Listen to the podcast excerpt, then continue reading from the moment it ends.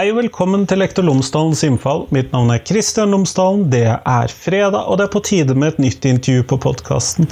Denne gangen snakker jeg med Arild Råheim, som er professor i pedagogikk ved Universitetet i Bergen.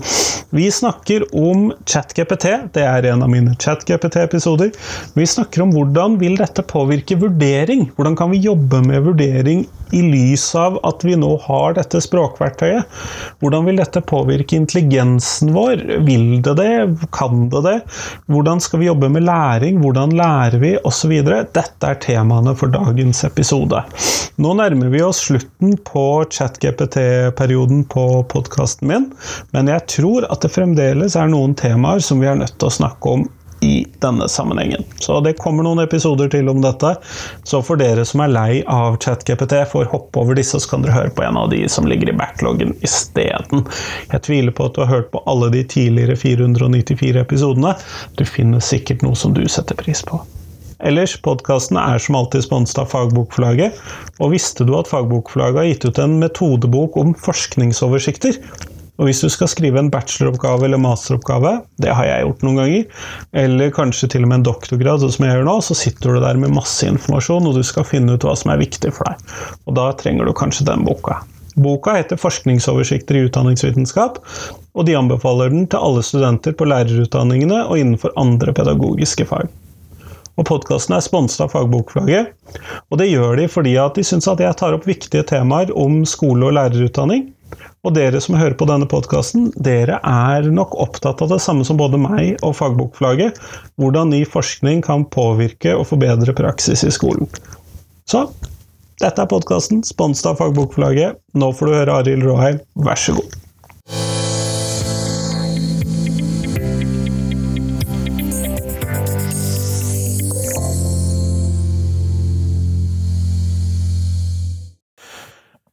Arild Råheim, tusen takk for at du har tatt deg tid til meg i dag. Jo, bare hyggelig. Ja. Før vi kommer sånn ordentlig i gang med intervju, så hadde jeg håpet at du kunne fortelle lytterne mine tre ting om deg selv, sånn at de kan få bli litt bedre kjent med deg. Tre ting om meg sjøl. Jeg um, jobber på Universitetet i Bergen, og det, jeg har undervist der i nå 43 år. Uh, har bakgrunn i psykologi. Og har uh, hatt glede av å ha et veldig godt og nært forhold til studenter gjennom mange år. Så bra. Tusen takk. Du, dette er en del av min serie om ChatGPT, og du har jobbet særlig med vurdering. Og det er jo i dette feltet egentlig de store spørsmålene og de store bekymringene har kommet når det kommer til ChatGPT og lignende eh, språklæringsmodeller, er det vel de kaller dette. Eh, hvilke tanker og refleksjoner er det du har gjort deg når det kommer til disse eh, vurderingene og det at det finnes så gode hva skal vi kalle det, språkverktøy? Ja, eh, kan jeg ta en liten omvei? Ja, gjerne. For, det, for det, jeg er ikke spesielt opptatt av teknologi. Og jeg er heller ingen teknologifrik på noen som helst måte. Men jeg er opptatt av læring. Jeg har en genuin interesse for menneskelig læring. Og jeg er veldig interessert i og opptatt av det menneskelige intellekt, og hva som påvirker det menneskelige intellekt. Eh, og så har jeg, som du sier, i min forskning vært spesielt opptatt av å se på eh, vurdering og vurderingsformene. Eh, men det er, når det gjelder denne chat-GPT-en, så er jeg opptatt av eh, hva den gjør med oss og vår læring. Og hvordan den påvirker påvirker, eller potensielt kan påvirke, vårt intellekt og, og, og, vår intelligens, rett og slett. Um, så også, her er det ganske mange forskjellige spørsmål, da? Absolutt. absolutt. Og, og, jeg har jo blitt kontaktet nå av veldig mange forskjellige institusjoner og miljøer som har ønsket å få mine kommentarer til hvordan dette påvirker vurdering og vurderingsformene. Og det, det har jeg selvfølgelig meninger om. Um, men jeg har lagt merke til at en del av mine kollegaer rundt omkring er, er opptatt av at uh, denne teknologien og denne chatroboten, den, hvor, hvor, hvor, dum den er på mange måter. Eh, og eh, jeg er redd for at hvis vi har den holdningen, så hva skal vi si, ser vi bort ifra det faktum at denne Eller vi, vi, vi ufarliggjør det, står i fare for å ufarliggjøre selve redskapet, og glemme at dette er noe som faktisk veldig mange kommer til å bruke. Og hvis det skjer, så er, står vi i fare for at vi blir mindre intelligente, altså at det gjør oss dummere. Eh, fordi at eh, teknologien vil da kunne hindre oss i altså Bruken av dette og programmet vil kunne hindre oss i eh, den kritiske refleksjonen som vi er nødt til å ivareta. Så, så det er litt, eh, litt, av mitt poeng. Og når du da trekker fram da dette intelligensen og den manglende øvingen i kritisk refleksjon. Det antar jeg at da kommer inn fordi at vi da slipper å skrive disse litt vanskelige tekstene sjøl? Ja, altså, altså vi, vi, må ikke være naive. Eh, vi kan ikke sitte stille i båten og håpe og tro at dette går over. Denne teknologien er kommet for å bli, og vi er nødt til å forholde oss til den. Og den er da, til og med tilgjengelig for elever i grunnskolen? Ah, ja, og, og de kommer til å bruke den. Eh, og, og hvis vi eh, bare lukker øynene, og de bruker bruker den, så vil en kunne ta det produktet som da denne maskinen eller denne roboten eh, produserer, eh, som et uttrykk for deres eh, eh, læring eller kompetanse. Men det vi heller kan gjøre, tenker jeg, det er å bruke dette eh, systematisk i en oppøving av kritisk refleksjon og kritisk tenkning. Så vi kan bruke de tekstene som denne roboten produserer, og så kan vi i neste omgang eh, reflektere reflektere rundt eh, disse tekstene. Og prøve å vurdere er dette en god tekst, og så kan vi til og med begynne å jobbe med det som et utgangspunkt for vår egen eh, tekst. Sånne ting kan vi gjøre. Men, og Hvordan ser du da for deg en vurderings... eller en det er vel kanskje en hel opplæringssekvens da dette blir en del av? Jeg ser for meg at dette kan brukes i undervisning for å oppøve kritisk refleksjon. Altså Tekster er viktig, vi skal produsere tekster. Så det å jobbe med tekst og, og, og, og reflektere rundt tekst er viktig. Og, bruke andre stemmer inn i disse tekstene, det er viktig. Men når det gjelder vurdering, så tenker jeg at eh, eh, La meg si det sånn, min første reaksjon når denne chat roboten kom i november, når vi ble gjort oppmerksom på den, ja, for november 2022, det var, det var eh, et høystemt hurra, for nå er vi nødt til å forandre vurderingsformene. Vi kan ikke holde på sånn som vi alltid har gjort. Det var min første reaksjon. Og så har jeg blitt utfordret på liksom, ja, men, men hvilke vurderingsformer kan vi da bruke? Hvordan kan dette brukes? Og La meg prøve å illustrere det med et, et, eksempel. Ehm, for noen år siden så var det en professor på filosofi på Universitetet i Bergen som kom til meg og så sa han det at til og med i filosofien nå så eh, er våre studenter ikke i stand til å reflektere og vurdere. Altså De bare gjengir de tekstene som de leser i læreboken, de gjengir det vi sier på seminarer, de gjengir forelesning. Hva kan vi gjøre? Og Da stilte jeg han spørsmål men hvordan, hvordan gjør dere det? Og Han sa det var veldig tradisjonelt opplegg. De hadde forelesninger, de hadde seminarer, og så hadde de en fire timers skriftlig eksamen. Og på eksamen så skulle studentene skrive en tekst om et eh, fenomen. Men det var der han sa nå bare gjengir de akkurat det som står i læreboken. Og Da spurte jeg han hva om du eh, gjorde følgende? Du skrev et svar på ditt eget spørsmål. Og det, Så presenterer du ditt svar til studentene på eksamen. Så har de fire timer på å skulle lese ditt svar, og så skal de reflektere rundt dette. Og så skal de analysere ditt svar, og så skal de si noe om eh, hva er bra i det som står der. Hva er det som mangler? Hvorfor er det bra, og er, hvorfor eh, mangler det som mangler? Og de kan til og med antyde karakter på dette. Og Da må de ha veldig mye kunnskap i faget, og så må de være i stand til å vurdere kritisk eh, noe. Ja, fordi elevene med hva skal vi kalle det, dårlige fagkunnskaper vil jo da Ha, dette ser riktig ut. Det ja. ser tilforlatelig ut. Jeg har ikke så mye å påpeke. Ja, og, og, og dermed så vil det kunne styre hva vi oppfatter som eh, et godt svar, eller hva som, hva som er fornuftig. Og sånn sett vil det kunne da fordumme eh, oss. Men vi kan bruke det altså til å, som, som, som et utgangspunkt for en refleksjon. For en deling. Eh, så, så, um, så, så, så, jeg er litt sånn optimistisk, egentlig, eh, med tanke på at dette kan faktisk være med å stimulere den kritiske refleksjonen. Og jeg hører jo Altså, jeg er ute i mange eh, miljøer, på mange ulike institusjoner, høyere utdanningsinstitusjoner i Norge. Og det er samstemt skrik, egentlig, der ute, som går på at våre studentene i dag, de kan ikke skrive. Eh, de kan ikke reflektere. Eh, de mangler den kritiske sans og evne osv. Ja, men hvis det er tilfellet, eh, så må jeg faktisk gjøre noe. Da må man øve, da. Da må vi øve. Og da er dette redskapet faktisk en god mulighet for å øve.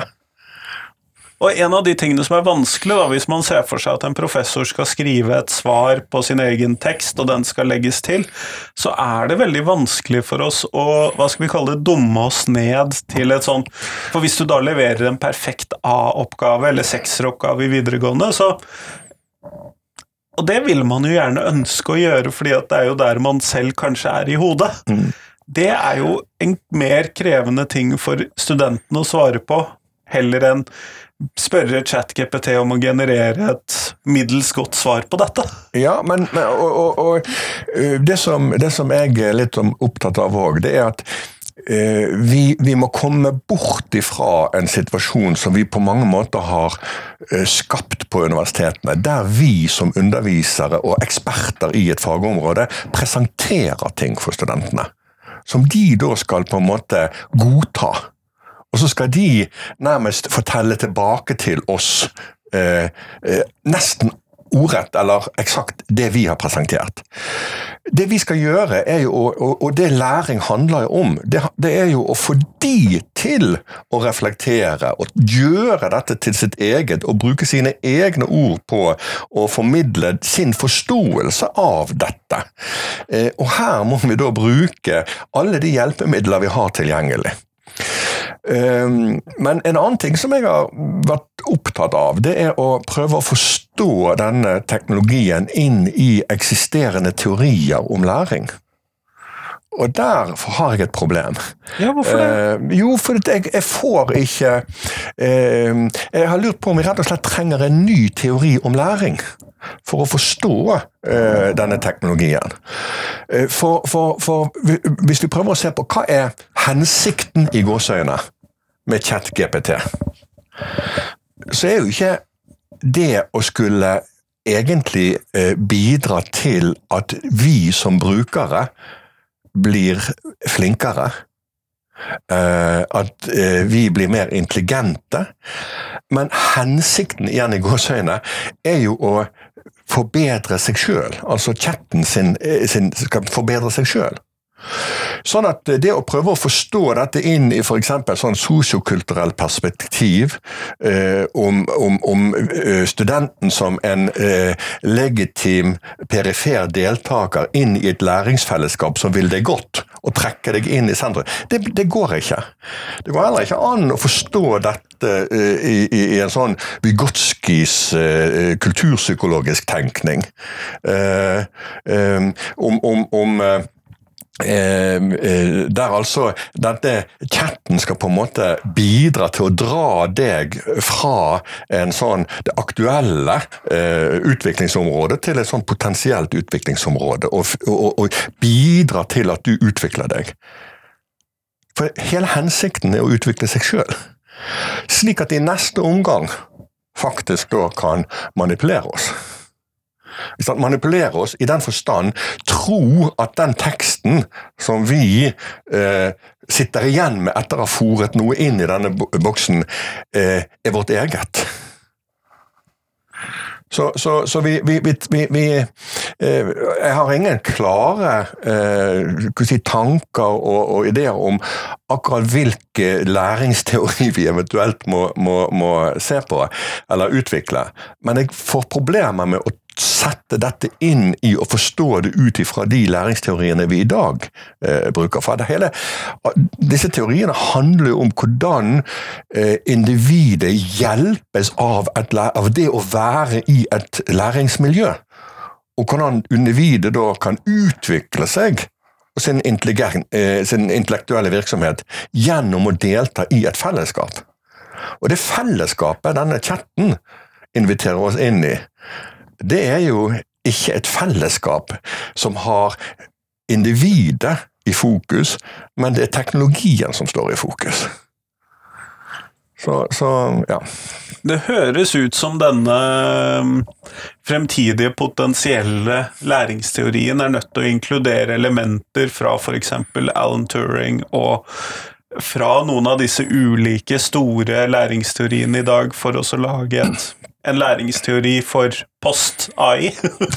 ja, og så skal du si at jeg, jeg, vil tro at mine kritikere, eller de som ønsker å diskutere dette med meg, de vil kunne si at jo, men, men vi må tenke denne chatten omtrent som eh, en kalkulator, altså som et redskap som vi kan bruke. Ja, ok, men da må vi være veldig bevisst på hva denne eh, faktisk er og vi må, vi må eh, aktivt bruke den som et redskap. Og det er det som er mitt poeng. Altså, Vi skal bruke den som et redskap. Eh, men vi må ikke, vi må ikke eh, på en måte trekke oss tilbake, og så, som enkelte nå innenfor høyere utdanning har slått til lyd for, nemlig å skulle si at dette dette er et sånn stort problem at vi nå må gå tilbake igjen til penn og papir. Og, uh, penn og papir ikke sant? Altså, det, det blir å, å, å, å, tape eller gi fullstendig opp. Men vi må aktivt se hvordan kan vi bruke dette som da et redskap. Men da må vi være tydelige på at det er et redskap. Men er det en motsetning mellom det å se på dette som den nye kalkulatoren, og å se på at dette skaper et helt nytt hva skal vi kalle det, læringsfellesskap. Sånn som du skisserer med tankene dine om at vi mm. trenger en ny læringsteori for dette. Nei, kanskje ikke. Uh, kan det være begge deler? Kan det skape et nytt læringsmiljø og være et verktøy samtidig? Jo da, absolutt. absolutt. Så, sånn at, eh, sånn at um, det, det, er mulig å la dette altså forene det med eksisterende teorier. Altså, ja, men, men, men, Nei, men jeg strever litt. Jeg strever litt med å, å, hvordan vi skal på en måte oppfatte uh, dette. Og, og, når jeg hører en del av disse stemmene, så hører jeg en veldig sånn um, um, Hva skal vi si Veldig passiv uh, eh, måte å forholde seg til dette på.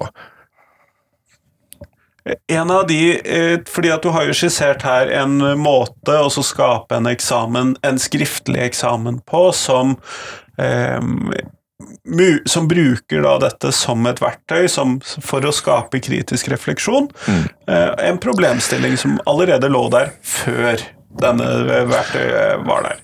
Og så har jeg hatt andre med på podkastserien som har tatt til orde for eh, mer muntlige eksamensformer og vurderingsformer. Og så har du jo, eh, som du selv peker på, disse som har snakket om at vi må tilbake til penn og papir og skoleeksamen og sånn for å løse dette.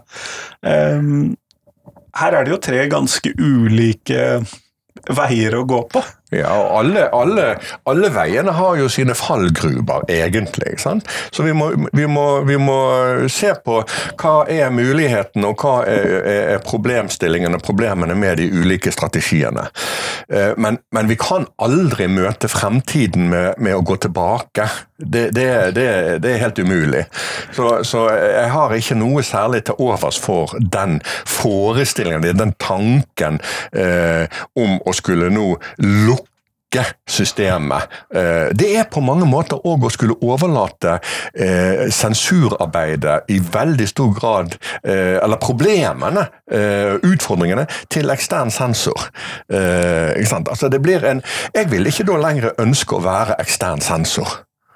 For bare se for meg alle de problemene som da vil komme i forhold til dette med plagiering og fusk og alle disse tingene.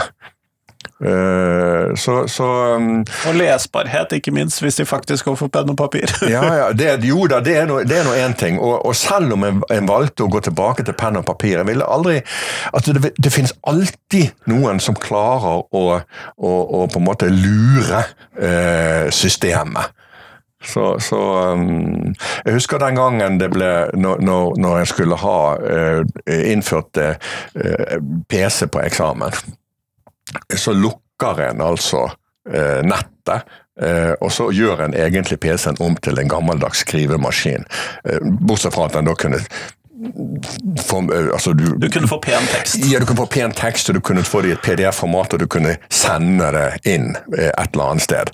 Men det var jo det folk som veldig tidlig viste hvordan du kunne eh, klare å liksom bryte gjennom dette systemet, ikke sant? og likevel komme inn på nettet. Så, så, så, så det blir sånn håpløst å skulle liksom ha det som utgangspunkt, nemlig at vi skal hindre folk i å få bruke denne teknologien og de mulighetene. Vi må heller se på Teknologien er der. Hvordan kan vi bruke den konstruktivt? Og hvordan kan dette være med på å stimulere til alternative måter å vurdere studenter på?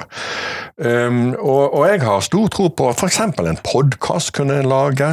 En kunne lage en video. altså En kunne gjøre mer av vurderingen i praktiske situasjoner. Uh, ikke sant? Altså, eh, og, og, kanskje kunne en som en del ut av det tillate bruken av ulike typer redskaper. Men, men tenke mer uh, kreativt omkring vurdering. Um, på, innenfor helsefagene så har jo en sånn stasjonseksamen det, det, er klart det er en omfattende sak, det, det, det, krever store ressurser, men det er jo en mulighet. Uh, og, og, på andre måter ha mer sånn prak, altså legge vurderingen til praksis, og, legge, og, og, og samtidig ikke, ikke, henge fast i det at vurdering er noe som vi skal skille fra læring. Men altså at vurdering gjøres uh, mens studentene lærer. Eh, så gjøre det som en del av læreprosessen. Og Da kan en se på hvordan kan jeg f.eks. trekke studentene aktivt inn i vurderingen av seg sjøl. Hvordan kan jeg bruke medstudentstemmer inn i vurdering. Sånne ting. Eh, og en kan gjerne òg bruke disse teknologiene, men altså igjen, tenke litt kreativt omkring hvordan vi kan bruke det. Så, så jeg tror at veldig mye av eh, vår tenkning omkring vurdering henger fast i en forståelse av eksamen, at det er det som er vurdering. Altså denne summative vurderingen. At først har du en læringssekvens, og så har du da en vurdering av hvor mye og hva som er lært. Vi kommer bort ifra det, og så må vi tenke vurdering som noe som er parallelt og skjer samtidig med læringen og der vi altså aktivt trekker studentene inn i vurderingen av seg sjøl og andre.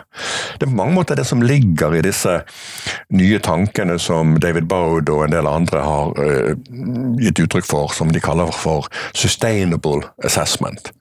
Som, som jeg har oversatt da med studentmedvirkende vurdering.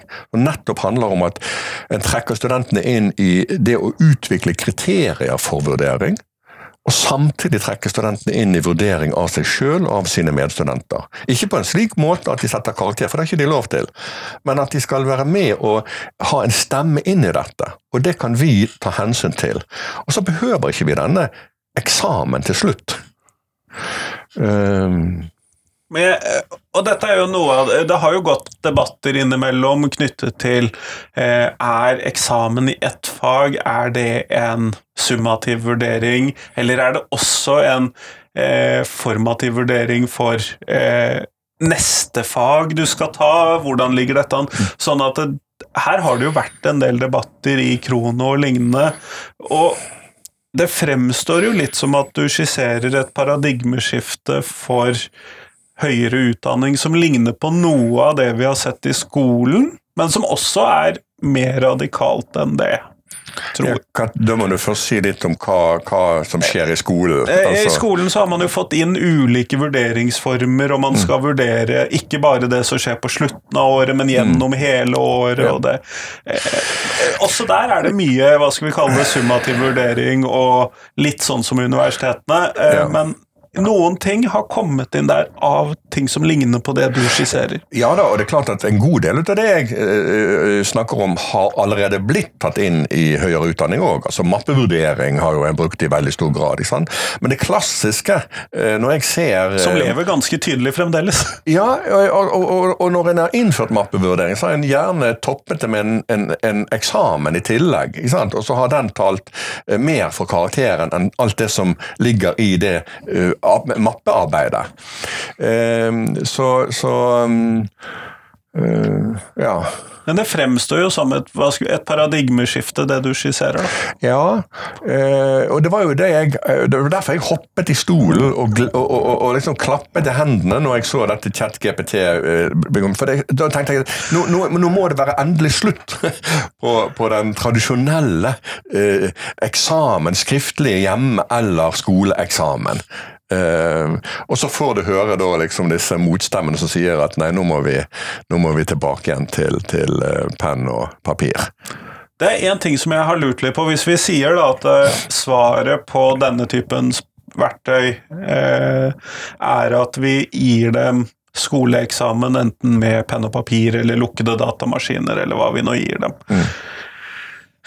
Det vil jo ikke forberede dem Eh, og dette er en problemstilling for høyere utdanning, ikke mm. for eh, videregående og sånn i så stor grad, men mm. det vil jo ikke forberede dem på skriving av bacheloroppgaver og masteroppgaver og doktoravhandlinger. Nei, det vil det ikke. Og, det vil, og, og, og du kan si at um, vi får òg en problemstilling knyttet til um, validitet. For, for, for hva er det vi egentlig tester? Og, og, og, det har jo vært noe av mitt poeng òg eh, i alle år. At eh, den tradisjonelle eksamen eh, og, det, og, alt dette hemmeligholdet, eh, det skaper jo kolossal stor usikkerhet for veldig mange. Og, noe av poenget er at det skaper ulik grad av nervøsitet og, eh, angst og usikkerhet. Eh, så hva er det vi egentlig tester? Så når du sier at, at noen stemmer hevder at eksamen er på en måte Du lærer noe som vil kunne komme til nytte seinere. Ja, men det du lærer, er jo å takle eh, nervøsiteten, og kanskje ikke så mye den kritiske vurderingen. Så, så, dette er et problem og en problemstilling vi har hatt i alle år, men vi har lukket øynene for det. Eh, når jeg, begynte, altså når jeg, begynte, å bli opptatt av disse tingene når jeg var 22 år gammel og ble satt til å undervise store grupper med psykologistudenter eh, så, og Jeg hadde tatt for meg en karriere, noe helt annen karriere enn det jeg har, har egentlig fått. Eh, men jeg fikk veldig mange spørsmål og bekymringer fra studentene i disse gruppene. De kom til meg og sa at hva skal jeg gjøre for å klare å komme inn i profesjonsstudiet psykologi? Hva skal jeg klare for å takle eksamen? Mange slet med nervøsitet og redsel for eksamen. Den gangen kunne jeg ta faget og eksamen så mange ganger jeg ville. Eh, og de, de, de, og, og de var fortvilet. De kom til meg og sa at jeg kan mer nå enn jeg kunne tidligere, men jeg får dårligere karakter på eksamen. Hva er det som skjer? Så det, så, så, og, og, mange sa det jeg klarer ikke å sove før jeg skal ha eksamen. Jeg kaster opp om nett. altså liksom Helt fortvilet å høre på dette. Eh, eh, så, så, vi har alltid hatt dette validitetsproblemet. Og, og, og vi, vi, må ikke nå liksom eh, ja, forholde oss til dette som om det ikke er en problemstilling. Nei, og det høres jo ikke ut som en ny problemstilling heller. Nei, nei, nei. nei. Det, det um, Jeg syns det, det, det, er fascinerende ser på den utviklingen som skjedde innenfor høyere utdanning. Det har jo ikke skjedd så veldig mye, men, men på de over 40 årene jeg har holdt på. Men det som har skjedd, det har skjedd veldig mye som en konsekvens og resultat av disse utskjelte reformene. Så, så jeg hører til de som da eh, ikke nødvendigvis syns at kvalitetsreformen var til det eh, onde. Altså jeg mener at det har kommet mye godt ut av den. Jeg var jo med å evaluere kvalitetsreformen, og det vi fant var jo at den førte til at nye vurderingsformer ble tatt i bruk, men problemet var jo at den kom på toppen av eksamen. Så de ble mer vurdert etter kvalitetsreformen. Eh, og så har vi fått nå eh, eh, dette her nasjonalt kvalifikasjonsrammeverk, som har ført til at vi har blitt tvunget til å tenke på studenters læring, og sette det i fokus. Uh, og alt dette arbeidet med læringsutbyttebeskrivelser hadde vært et formidabelt arbeid, men det har i alle fall tvunget oss til å skulle se litt nærmere på uh, læring uh, og studentens læring. Så de endringene som har kommet inn, og, og, og, de, mange av de spørsmålene og undringene som kom til, de kom som følge av disse ovenfra og ned-reformene. Og for de som da er eh, av lytterne mine som ikke har så stor kjennskap til universitetssystemet, så er vel læringsutbyttebeskrivelser noe som ligner på læreplanene i skoleverket, ja, slik jeg forstår ja, det? Ja da, egentlig så gjør du det. På disse kompetansemålene, på en måte. Ja, ja veldig mye likt det. Ja. Eh, så det er jo noe vi kjenner til deg. Men har du gjort deg noen tanker om hva skal vi kalle klasseperspektivet? Og da tenker jeg da på sosial og økonomisk klasse, og ikke klassesammensetning i et rom. I forhold til vurdering, tenker du? Ja, i forhold til vurdering og læring med tanke på da ChatGPT og lignende verktøy. Nei, det, det, har jeg faktisk ikke gjort. Det, det, nei, det har, ikke, har egentlig ikke øh, vært en del av min tenkning. Uh, for vi kunne se for oss, slik jeg ser det, så er det to scenarioer som vi ser for oss. og det er at Enten så vil disse verktøyene være lukket for de som ja. Eh, sånn at det bare er for de som har råd til å betale ja. for dem, og at det da gir dem enda en fordel. Eller så kan dette gi mer øving, f.eks. ved at du får ChatGPT og lignende til mm. å lese gjennom tekstene dine og vurdere dem, sånn at du kan få Sånn som mine barn, da, som mm. har to lærere som i, i husstanden, og i forskjellige fag og sånn, får mm. gjennomlesning og forbedringer og tilbakemeldinger allerede før de leverer. Det vil jo også de som ikke har akademisk rettede foresatte, kunne få ved disse verktøyene. Ja, eh, så her er to scenarioer som er basert på klasse fra min side. Ja, absolutt. Ja, nei, jeg, skjønner, veldig godt poeng. Og, og, og, og, det er klart at eh, Per i dag så er jo dette eh, si, om du vil, demokratisk, i den forstand at det er åpent for alle. Men det kommer det nok helt sikkert ikke til å bli. Eh, eh, når dette her er velutviklet, enda mer utviklet enn det er i dag, så vil det helt sikkert bli lukket. Og da vil det ligge bak en eller annen form for betalingsmur eller noe sånt. Så, så, så, og da er vi inne på det du nå nevner, at det kan bli fort snakk om klasseforskjeller her. Eh, og, og, og vi har jo hatt i Norge Eh, jeg vil jo si det at Høyere utdanning i Norge selv, Selvfølgelig har det alltid vært forskjeller. Vi vet det at rekruttering til høyere utdanning er, er skjev. Eh, det vet vi. Men vi har tross alt hatt en veldig åpen og demokratisk eh, høyere utdanning. Men dette, her ligger jo faktisk muligheten for at dette kan endre seg. Så kan du si at Allerede i dag eksisterer jo det sånne kjøpemuligheter. Altså, vi, vi kjenner jo til at eh, det fins uh, eh, byråer der ute som tilbyr tekster som studenter kan kjøpe. Så, så, men de har jo vært egentlig relativt billige, så vidt jeg har fått det med meg. Men nei, det er et perspektiv som, som, som er verdt å trekke inn, men som ikke har vært veldig si, fremme i min tenkning. Men jeg, men jeg ser veldig godt poenget. Og det er jo, for dette er jo mange sider ved dette, og det er jo også derfor dette er en del av en ganske stor serie med episoder. fordi at mm. det, det, er jo ikke soleklart hvordan skole, akademia osv. skal håndtere dette på en god måte. Nei da, nei. Men, men, men, det er derfor jeg er opptatt av vi må ikke, vi må ikke lukke øynene for dette. ikke sant? Altså, eh, Vi skal heller ikke være ukritiske og liksom si at nei, men la oss få det inn og la oss bruke det. ikke sant? Tillat det på eksamen uten ja, å tenke ja. gjennom hvordan. Og... ja, sant? Og, og, så, så, um, og, det er noe med rettigheter og alt dette, så vi må liksom ha, en, vi må ha et kritisk blikk på det, selvfølgelig, og kritisk vurdering av det. Men, men, eh, men det, det, det, er to ytterpunkter. Altså Det ene er å lukke øynene og si at nei, dette vil ikke vi ha noe av, og vi vil på mange måter ikke uh, vedkjenne oss det. Det er det ene. Og det andre er ukritisk. Bare liksom ja, ja, ja, alt, eh, alt nytt er bra. Men la oss se på hvordan kan dette konstruktivt, kritisk brukes inn i det å skulle forbedre studentenes læring, og gjøre at våre vurderingsformer faktisk blir mer hensiktsmessige. Um, og, og, og, at vurderingsformene faktisk altså blir en del av læringen, slik at de i neste omgang, gjennom å delta i uh, vurderingsarbeidet, blir bedre i stand til å lære i fremtiden. Det er litt av uh, mitt poeng. Og, og, noe av de tilbakemeldingene jeg får når jeg snakker med folk utenfor uh, institusjonen, det er jo at eh, vår, de kandidatene som vi sender fra oss, jo de er veldig dyktige, men de har veldig lite erfaring, og det kommer tydelig frem at de ikke er så gode på det å skulle vurdere seg sjøl. Og vi utstyrer dem med massevis av erfaring i å bli vurdert. Mens det å vurdere seg sjøl, f.eks. vurdere når er det at min kunnskap ikke lenger strekker til? Når er det jeg må akseptere at jeg må lære meg noe nytt? Når er det jeg må be om hjelp?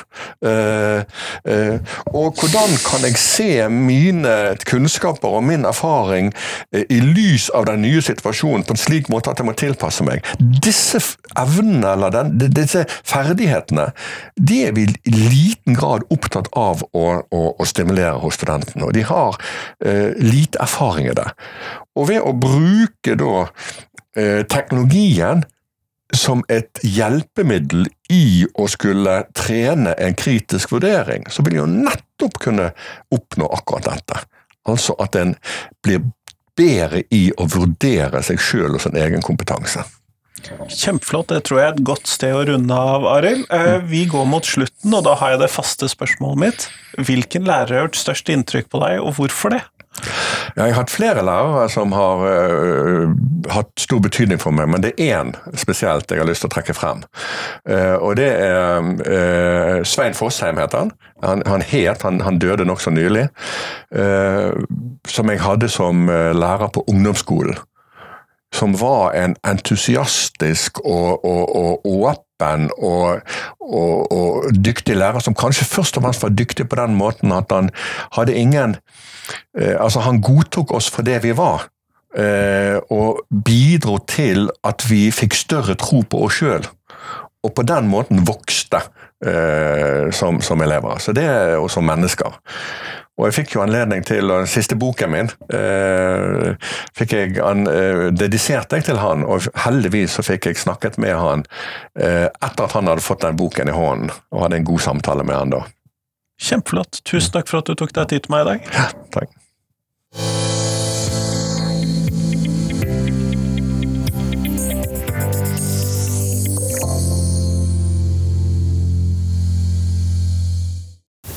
Tusen takk til Arild, og tusen takk til deg som hørte på. Nå er det fram til tirsdag, så kommer det en ny episode på podkasten.